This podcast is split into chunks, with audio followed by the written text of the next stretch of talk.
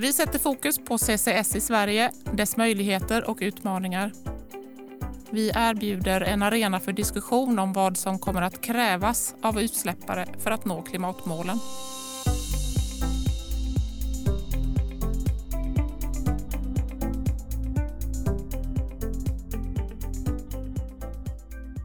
Välkommen till CCS-panelen. Jag heter Sara Davidsson och är hållbarhetschef på Midrock Europe.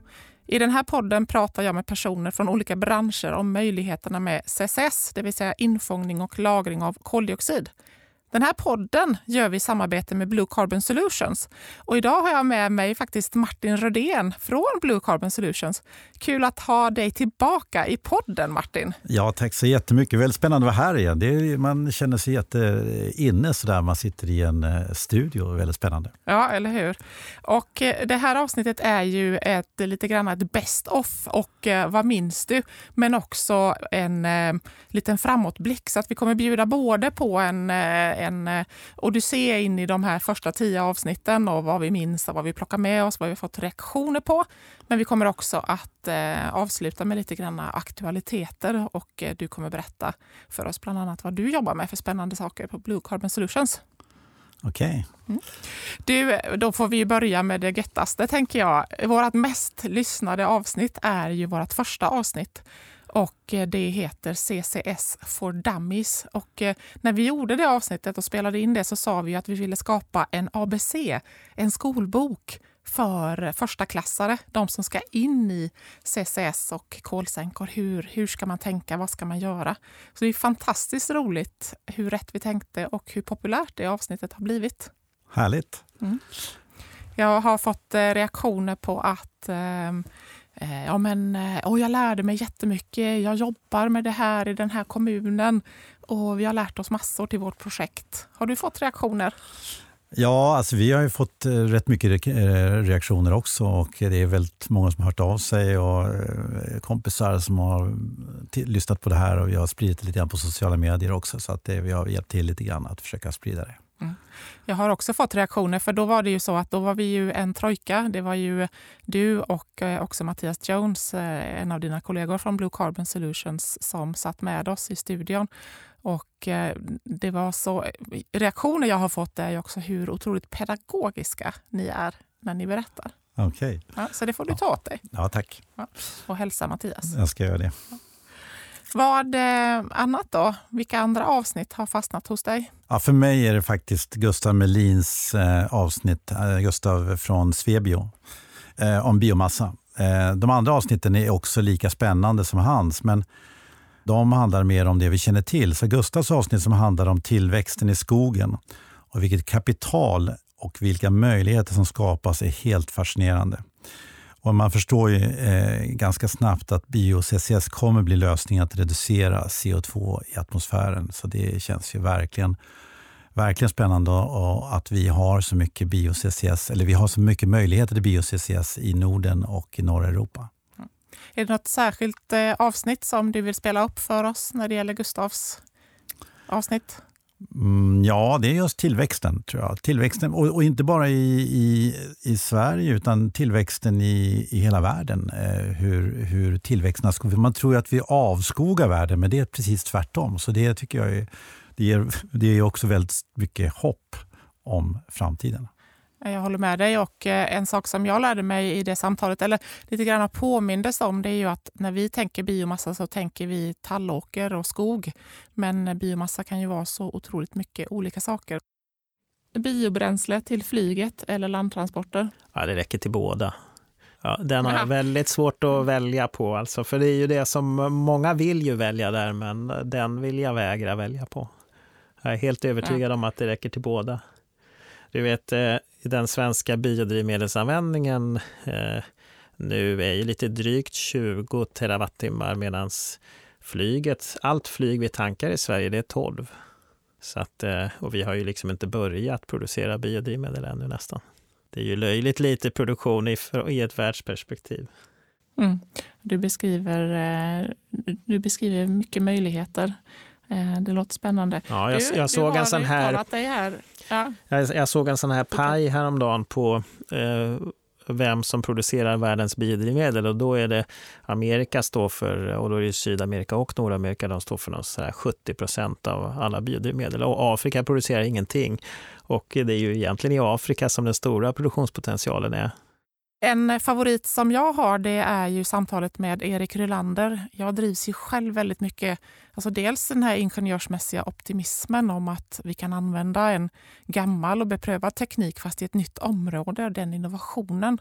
Eh, men sen också just affärsutvecklingen att äntligen, som gammal miljömupp höll jag på att säga, men, men att jobba som hållbarhetschef och inte jobba i periferin av saker och ting utan att verkligen vara med där det händer i affärsutvecklingen och se hur stor potential det kan finnas att både göra otroligt mycket gott och ställa saker till rätta men också att eh, se om det kan finnas en business i det. Vi ska lyssna på ett klipp här med eh, Erik Rylander där han pratar om affärsutveckling och att det handlar om att vara positiv och att samarbeta och att fokusera på möjligheter istället för problem. Ja, men menar, affärsutveckling handlar ju väldigt mycket om att se möjligheter. Det finns väldigt mycket problem i vårt samhälle. Det finns väldigt mycket eh, problem med att införa nya sätt att tänka, nya sätt att jobba. Eh, men eh, så att man får inte fokusera för mycket på problemen utan man måste verkligen se möjligheterna. Sen är det ju så här att affärsutveckling och utvecklingen av nya tjänster, det är helt meningslöst om det inte är så att du utvecklar någonting som någon vill ha. Så att du kan liksom inte sitta och navelskåda fram eh, bra idéer hemma på, på din kammare, utan du måste ju ut och prata med, med eh, marknaden, med eh, de som kanske vill ha hjälp av dig. Vad tyckte du om det här? Vi tycker det är helt fantastiskt att det här verkligen händer till slut. Och det är ju så att CCS har inte varit särskilt... Sverige har inte funnits på CCS-kartan och nu ligger Sverige längst fram på CCS-kartan. Det tycker vi är väldigt spännande. Och det är ju faktiskt tack vare er lite grann på Blue Carbon Solutions tycker jag, som eh, kunskapsbärare. Och eh, får inte glömma att eh, du och Mattias har ju jobbat med de här frågorna sedan början, mitten på 90-talet. Ja, och ändå är ni så unga. ja, tack för det. ja. men det handlar ju också om, eh, som Erik var inne på, att, eh, att se kunderna. Och eh, för er och för delar av Midrock som har en tjänstesektor så är ju de här anläggningarna där infångningen och mellanlagringen ska byggas är ju beställaren i vårt fall. Men för fjärrvärmeanläggningen eller för massabruket så är ju det kunden som är den som, som köper varan i slutändan. Må det vara stålet eller bilen eller, eller fastigheten som är byggd av betongen eller vad det må vara. Så det handlar om att se hela den kedjan. Ja, just det. Och det här är ju någonting som vi, eh, som vi har försökt att se och försökt att eh, visualisera framåt. Och det, om man kan eh, produktifiera kolsänkor, det vill säga att man kan skapa negativa, alltså, alltså minus, eh, minusprodukter. Produkter som har ett negativt eh, minusavtryck. Det vore ju helt fantastiskt och det ser vi att det kommer komma. Och Det tror jag att det är framförallt massaindustrin och kraftvärmen som kan göra det i första läget och sen naturligtvis stålindustrin. Eh, och då Massaindustrin kan till exempel tillverka eh, en, eh, förpackningar eller hygienprodukter med minusavtryck. Och Det tror jag kan bli en väldigt intressant eh, efterfrågan på det. Folk som vill verkligen göra skillnad så att de är beredda att betala mer för det. Kraftvärme kan naturligtvis tillverka el och värme med minusavtryck. Det är också väldigt, eh, väldigt intressant. Och Sen tror jag att den riktigt stora affären kommer vara att sälja själva de negativa utsläppen, alltså minusutsläppen till de som inte kan eh, komma ner i sina ordinarie utsläpp för att det är helt enkelt för dyrt så kan de istället köpa eh, minusutsläpp. Så det tror vi är en, det kommer bli en stor affär för Sverige och för alla länder som har möjlighet till massa. Det här är ju ett otroligt eh, spännande område, just minusutsläppen som handelsvara. Det blir en slags aktiehandel nästan. Precis. Och jag, jag, jag, jag, tänkte just på det här med det Gustav sa att i Afrika har man inte ens... Det finns enormt mycket skog och vi är väldigt oroliga för att vi ska avverka skog och si och så. Men i själva verket så är det så att skogen växer till så vi behöver inte vara så oroliga för det utan det är bättre att sköta våra skogsplanteringar, ha biologisk mångfald i skogen och, och så och sen så göra avverkningen på rätt sätt och plantera nytt direkt så, så växer skogen till igen. Ja, fast jag tycker ändå, jag skulle vilja träffa Gustav igen där för att det finns en jag, jag, tycker att vi behöver så att säga, problematisera vad ska skogen räcka till? Vad är det smartaste att använda skogen till? Eh, och jag får, jag får inte riktigt ihop det när vi säger att vi ska använda skogen till allt möjligt. Både, att, eh, både som kolsänka och det ska finnas enorma arealer med med, med skog och växande biomassa. Men sen ska vi också bygga hus av det och vi ska eh, eh, ersätta plaster med cellulosa och vi ska göra de, alla de här olika sakerna. Så att den ekvationen har inte jag sett. Jag har sett många förespråkare för de olika delarna.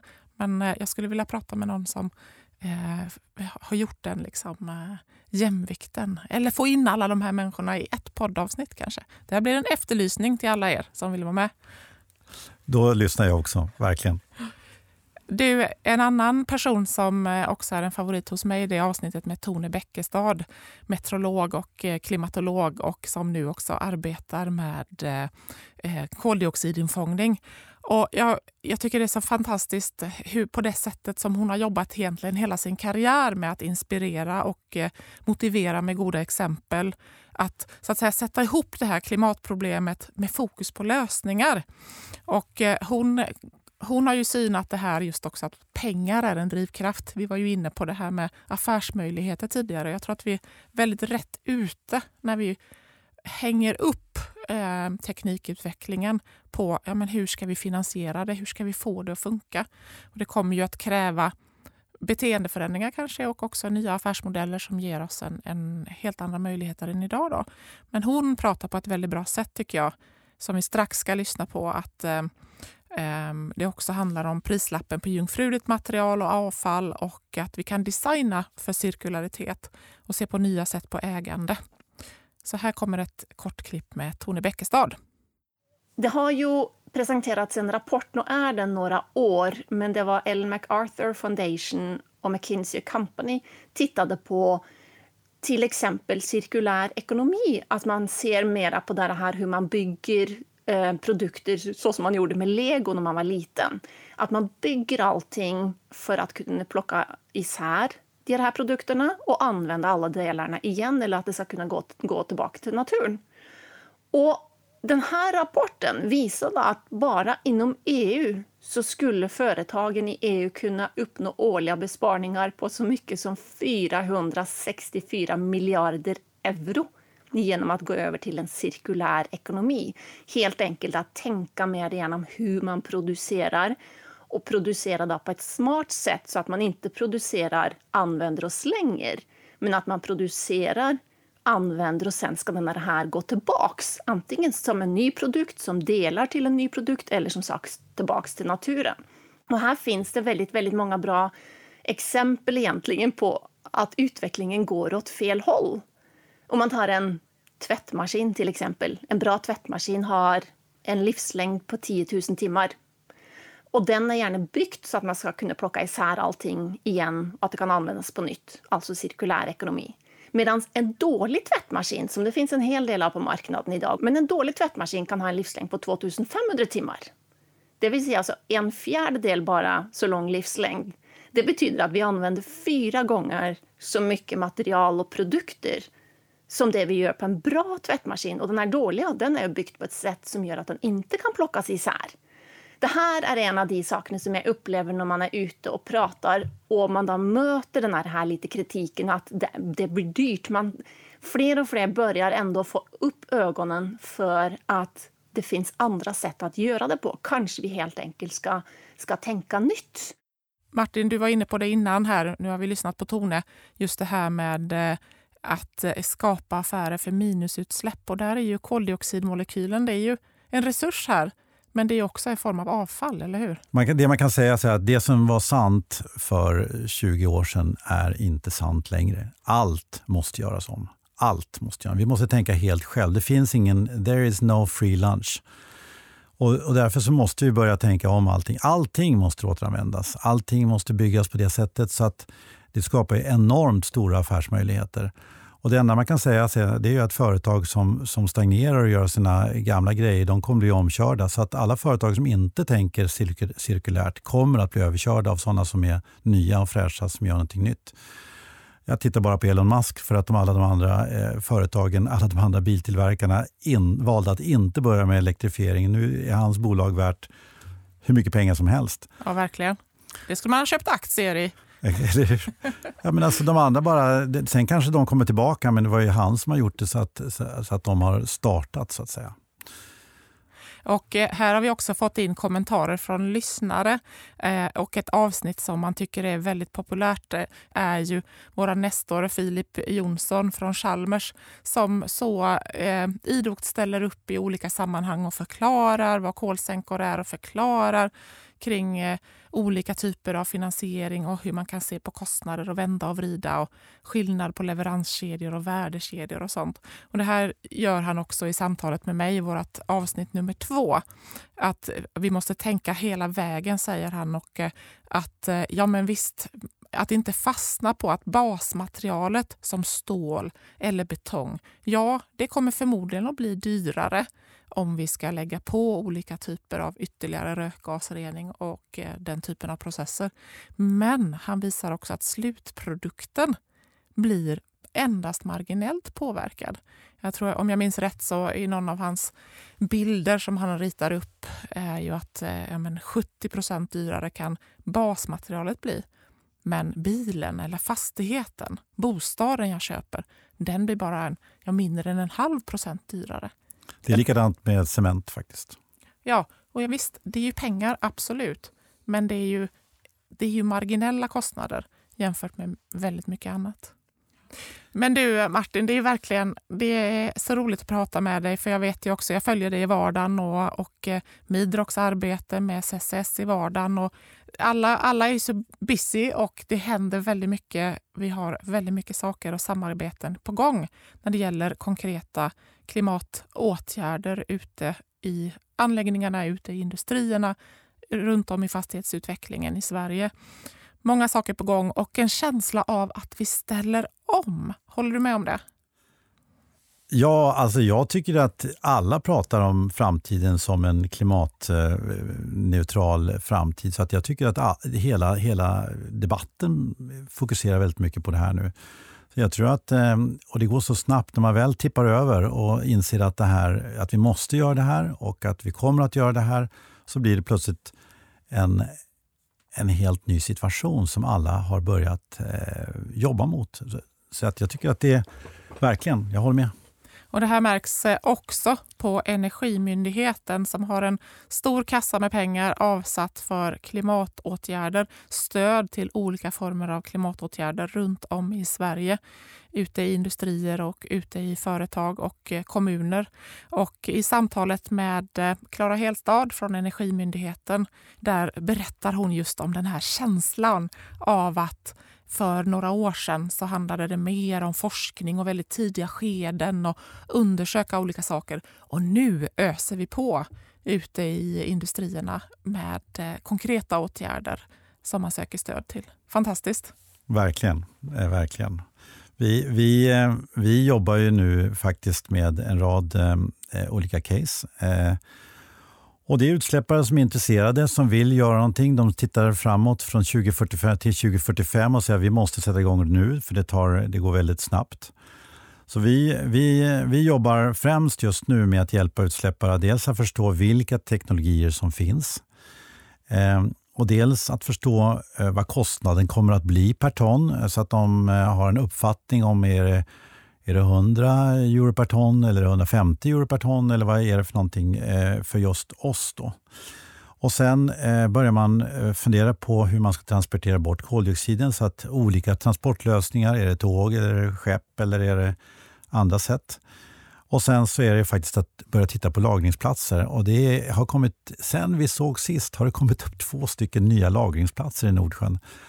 Och det kommer säkert fler, för att jag hör att det finns bubblare så att vi kanske har uppåt tio lagringsplatser närmast inom, inom några år som, som kommer slåss om utsläpparna. Så att det här är jättespännande också. Ja, verkligen. Och där har vi också ett avsnitt eh, med eh, Gry Möll Mortensen från svenska SGU, då, vår myndighet, eh, tillsynsmyndighet för CCS och lagringsplatser på svenska territorialvatten. Avsnitt nummer sju.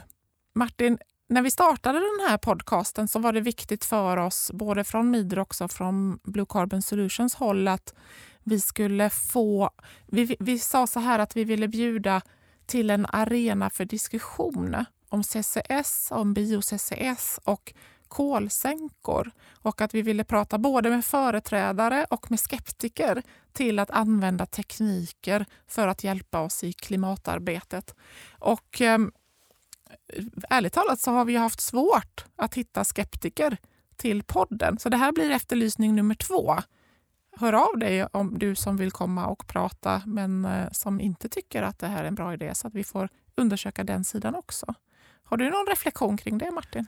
Nej, men jag har faktiskt eh, jag har inte någon större reflektion, men, men det verkar som att eh, folk har eh, anammat det här och det beror, tror jag, dels på regeringen, att de har varit väldigt Eh, med den här utredningen som har gjorts och dels att EU har utlyst en, en väldigt stor ansenlig summa pengar om det här. Och sen tror jag också att Elon Musk, när han går ut och säger att vi ska satsa 100 miljoner dollar på på, ett, eh, på den bästa CCS-teknologin så skapar det också lite, eh, lite guldkant på tillvaron kanske.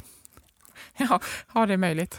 Men eh, jag eh, frågade Tone i samtalet om hur det ser ut i Norge där man ju faktiskt har kommit längre. Du nämnde det här med lagringsplatser i Nordsjön och så. Och i, I Norge har man ju kommit längre när det gäller den biten. Och eh, det var så paradoxalt när hon berättade att jo visst finns det skeptiker till CCS-tekniken i Norge men motståndarna i Norge är de som är klimatförnekare. Och de tycker att det här är ju väldigt dyrt. Det är som att eh, kasta pengar i sjön, för bokstavligen, för att eh, vi inte behöver detta, för vi har ingen klimatkris. Nej, men jag, jag har träffat på några, några klimatförnekare, så det, de finns här också, det tror jag. Eh, fast de kanske inte är lika högljudda som de var för, eh, för, för fem, sex år sedan. Men jag tänker också, Martin, att um, just nu så är vi ju i ett läge, jag menar bara under 2020, eh, när vi drog igång den här podden, så Eh, fanns det ju mer skepsis om man läste artiklar under våren och sommaren kring ja, men CCS, om det verkligen var någonting att lita på. Och, eh, vi bland annat har ju bidragit till, via våra webbinarier och den här podcasten, till att förklara, inte minst via avsnittet där med CCS for Dummies, att förklara att ja, men det här är ju gammal beprövad teknik, så det är inte tekniken i sig som är några konstigheter, utan det är ju snarare finansieringen och att få ihop olika lagkrav och få alla pusselbitar i samhället att falla på plats. Ja, jag tror att det, det, den andra biten som, som du säger, det är liksom det, det, jag tror man har, där har man sänkt nivån. Man har fattat att det här kanske inte är helt nytt och allt, allt är jättesvårt och krångligt. Men det finns fortfarande en uppfattning om att det är väldigt dyrt. Och det, den, den bubblan ska vi slå hål på. Vi jobbar ju för att det här ska bli så absolut så billigt som möjligt. Så att det är verkligen vårt mål att det här ska bli överkomligt eh, att, att installera, överkomligt att köpa och överkomligt att driva. Så det är vår absoluta drivkraft här, att det ska bli så billigt som möjligt. Ja, och samtidigt så har vi ju andra krafter som, eh, som eh, ökar till exempel priset på handelsrätter för koldioxid i den fossila branschen har ju ökat under året ganska rejält. Ja, men du pratade där om att vi skulle försöka hitta eh, andra, så jag tror att en möjlighet det är ju att, att eh, det finns samarbeten. Eh, och De här samarbetena kan ju göra det att man får upp volymerna. Och då kan man, förminst, då kan man eh, sänka kostnaderna både för transport och för lagring. Man kan förhandla med lagringsplatser om man har stora volymer. Och man kan samordna transporter om man har stora volymer. Så jag tror att det är en det kommer bli den, den, stor, den nästa stora grej, att, att se vilka utsläppare finns runt om oss. Hur kan vi samordna transporterna? Och Det kanske till och med kan vara så att man, man eh, skapar stora lagringsplatser. Vi har ju hört talas om Simfracap-projektet eh, eh i Göteborg som är då en, en, en, stor anläggning där flera kommer att samordna sina, ut, eh, sina mm, eh, utskeppnings eh, Eh, ställen till ett till eh, Skandiahamnen i Göteborg. Så det är typiskt ett sådant projekt som är väldigt, eh, väldigt spännande tycker jag.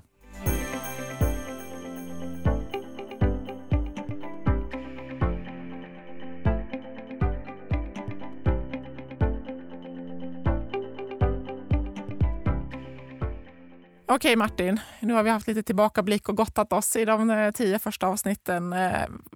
Om jag är en utsläppare, berätta för oss. Eh, hur ska jag tänka och göra? Jag har en anläggning och eh, det finns eh, potential att bidra till eh, insamling av koldioxid. All right. Eh, ja, först och främst skulle jag titta på var jag ligger någonstans och se om jag ska använda eh, CCS eller CCU. Då. Och sen när jag väl har gjort det så skulle jag skaffa avgränsningar i hela caset. Det är väldigt viktigt, annars blir det alldeles för stort.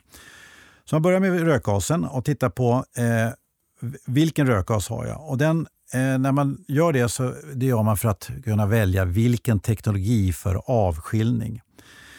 Och det gör man i en screeningstudie eh, och där man analyserar precis rökgasen och sen så gör man en, en så kallad eh, KPI, Key Performance Indicators. Vad är det som är viktigt? Är det viktigt att vi ska utveckla någon ny teknologi eller ska använda något som är väldigt mogen? Och, eh, och hur ser min rökgas ut? Och när man har gjort de här kopiorna och så tittar man på rökgasen då väljer man då från en, en, en, lista. Det finns en lång lista med. Det finns faktiskt över 30 teknologier att fånga in eh, koldioxid. Och det finns ett femtiotal större företag som, som levererar det här. Så det är klart att man vill inte hamna i klorna på något av de här jätteföretagen och börja prata om fel teknologi. Så det är väldigt viktigt att man börjar med att fundera på vilken teknologi Eh, vi ska ha. Och eh, sen kan man börja fundera på vilken leverantör det ska vara. Beroende på anläggningens beskaffenheten, eh, vilken yta man har tillgänglig, hur stor mängd koldioxid man har i rökgasen och vilken så kallad TRL-nivå man vill använda så sätter man upp de här kopiorna. Och då kan man när man har gjort de här, man har väl valt ut två eller tre till en shortlist och sen börjar man räkna på de tre då och se hur mycket kommer det här att kosta eh, i kostnad per år och i kostnad per ton att fånga upp koldioxiden. Och sen gör man en liknande process för transport och lagring. Var ligger vi? Var ska jag lagra det här? Vad blir det för avstånd? Och vad finns det för transportmedel? Är det pipeline, båt, tåg eller lastbil? Och där får jag också då fram en kostnad per ton. Och när man har gjort det här då så lägger man ihop det här och, och egentligen eh, då har man en uppfattning om hur det här ser ut. Då har man så att säga gjort en konceptstudie. Så man börjar med en screeningstudie av teknologierna och sen så bygger man ut det till en konceptstudie. Det är vad man börjar med. Och sen kan man börja fundera på, på vem som ska leverera det här. Och allt det här fyller ju du och dina kollegor på Blue Carbon Solutions, det här fyller ni era dagar med. Ja, det är faktiskt så. Det är det vi gör. Är det roligt? Ja, men det är fantastiskt. Och, och alla är så entusiastiska och, och, tycker det här är lika spännande som vi. Och Varje case är olika, men det är faktiskt verkligen roligt. Eh, och alla, eh, och det vi också sett är ju det att personalen, när, när utsläpparna börjar prata om det här så blir deras personal så otroligt eh, glada att de har varit en utsläppare och nu ska de plötsligt bli en minusutsläppare. Det är ju, de kan ju berätta det för sina familjer och, och det blir väldigt mycket PR kring det här också. Ja, verkligen. Stolta medarbetare och stolta arbetsgivare och liksom internationella, globala samarbeten i och med att koldioxiden ju är ett globalt eh, avfall, om man säger så, ute i atmosfären så kan man ju ha handelsavtal och samarbetsavtal mellan bolag på vitt skilda platser i världen. För det spelar ju ingen roll om man suger upp koldioxid i Sverige, om man är ett amerikanskt eller, eller eh, brasilianskt företag, utan det, det funkar lika bra att köpa de aktierna här, de minusutsläppen. Just det. Du, eh, det är verkligen spännande tider. Jag tänkte att vi ska eh, ta en eh, liksom utblick också under eh, vad som har hänt. Medan vi har jobbat på med screeningstudier och att bygga tankar för mellanlagring som Midrock gör eller, eller eh, projektera hamnanläggningar som vi också kan hjälpa till med, så händer det ju saker som också går i klimatarbetets eh, tecken på den globala politiska arenan. Eh, och den lilla saken tänkte jag vi skulle prata lite om, Martin. Alltså, den här veckan som vi spelar in den här, det här avsnittet så har ju USAs nya president Biden bjudit in till ett möte, ett förmöte till det stora klimatmötet som äger rum senare i höst i Glasgow. Och eh, där ju USA, EU, Kina är ju otroligt viktiga spelare och där nu Biden har eh, skrivit på Parisavtalet igen och eh, klivit på båten eh, med eh, liksom, nu ska vi uppåt framåt. Och jag vill, jag vill, jag vill eh, spela upp faktiskt ännu ett klipp, en sån här favorit från avsnitt nummer 10 med Johanna Sandahl, ordförande i vår svenska naturskyddsförening om just hennes eh, entusiasm och den entusiasmen som finns i rösten. Så jag tror många delar, eh, eh, inte minst du och jag, när eh, det gäller eh, Bidens ledarskap. Och, eh, hon kallade ju de, de här fyra föregående åren för ett mörker, ett elände. Och eh, vi ska höra på det klippet här. Äh, det var ju, har ju varit ett mörker eh, faktiskt eh, på många sätt. Men eh, från miljöperspektiv och klimatet, alltså det har ju varit ett elände eh, denna, dessa fyra år med Trump vid makten. Och nu hoppas jag verkligen att Eh, eh Biden och hans administration eh, tar tag i det här på allvar. Och, eh, alltså det har ju varit USA, EU, Kina är ju oerhört viktiga spelare på den, i de globala förhandlingarna om ett, eh, ja, vart världen ska ta vägen vad gäller klimatet. Ehm, och eh, om USA inte är där, eller som de inte har varit nu, så eh, det blir trögare. Så att eh, nu hoppas jag på att det blir lite fart här eh, på den spelplanen. Hur kan det påverka oss konkret här?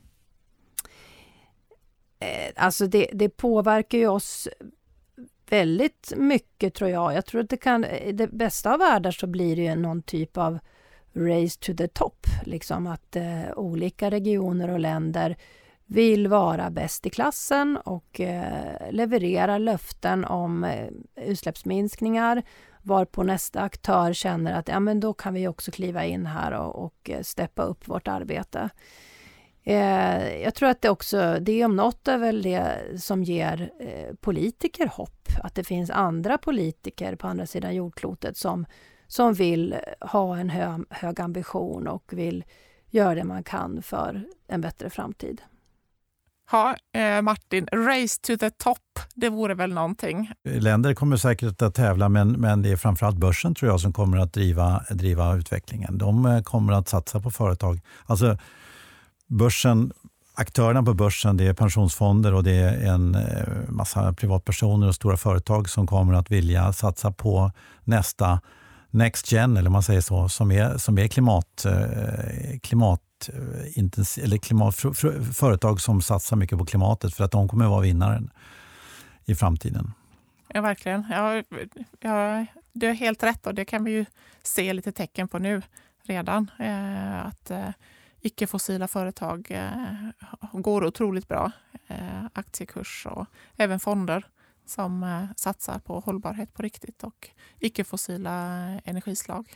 Ja, det är massa granskningar också från, från media för banker och för, på fonder som inte, som inte satsar rätt och så. Så att det kommer också bli det kommer driva, tror jag, media kommer driva också ett drev mot de som inte är, gör rätt saker. Mm. Um, vad är det mer, eh, Martin, vill du lägga till någonting kring eh, året eller sådär? Året? Eh, ja, alltså jag tycker bara det att det är fantastiskt att det händer. Eh, har man hållit på med det här i 12 år och så har det inte hänt något så är det fantastiskt när det, verkligen, när det väl händer. Det är, det är, det är helt otroligt. Mm. Så att eh, det vi summerade helt enkelt med att det händer mycket.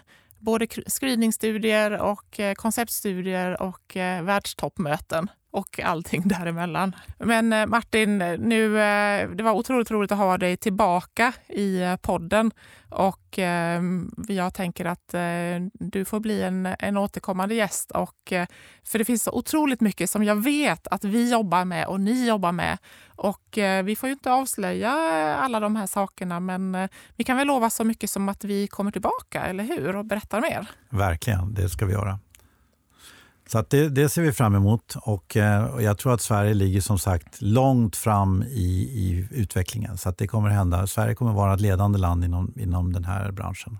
Ja, och genom de samarbeten som vi också både, både puffar på eh, och eh, eftersöker och är i ihop med våra samarbetspartners så, så kan ju vi fortsätta bjuda på ett eh, tankeledarskap och eh, jag tror att det behövs den här typen av krafter. Det är det som driver mig att eh, jobba med den här podden. Att liksom bjuda på och, och öka kunskapen för att ju fler vi är som har kunskapen om varför det här behövs och de här drivkrafterna kring att få få handel med koldioxidmolekyler om man så säger till en affärsidé. Ju fler som kommer till den insikten, ju fler kan ju vara med och tänka. Hur skulle det, hur skulle det se ut? Vad skulle det vara för typ av affärsidéer och vad är det för typ av affärsmodeller? Och det är dit vi behöver komma för att det här ska hända på riktigt. Ja, det tror jag. Och eh, det kommer att bli en efterfrågan på de här molekylerna, eh, negativa negativa minusmolekylerna. Så det tror jag vi, dit kommer vi med all säkerhet. Och de kanske börjar handlas eh, i god tid innan de, är, innan de ens finns. Mm.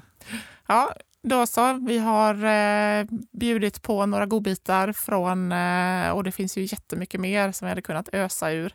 Ehm, jag har känt mig lite som en DJ när vi har spelat upp eh, våra favoritskivor här idag och eh, inte scratchat för mycket hoppas jag. Och eh, det, du som lyssnar, du vet att det finns massa goa avsnitt att lyssna på igen. Att lyssna på ett avsnitt igen ger ju faktiskt fler insikter och nya, man hör nya saker. De är så otroligt faktaspäckade också. Och det kommer fler avsnitt, så håll utkik efter det. Tack så jättemycket för att vi fick göra det här och tack för att vi fick komma hit. Ja, tack själv Martin. Utan dig hade det inte blivit ett avsnitt. tack för idag. Tack, tack.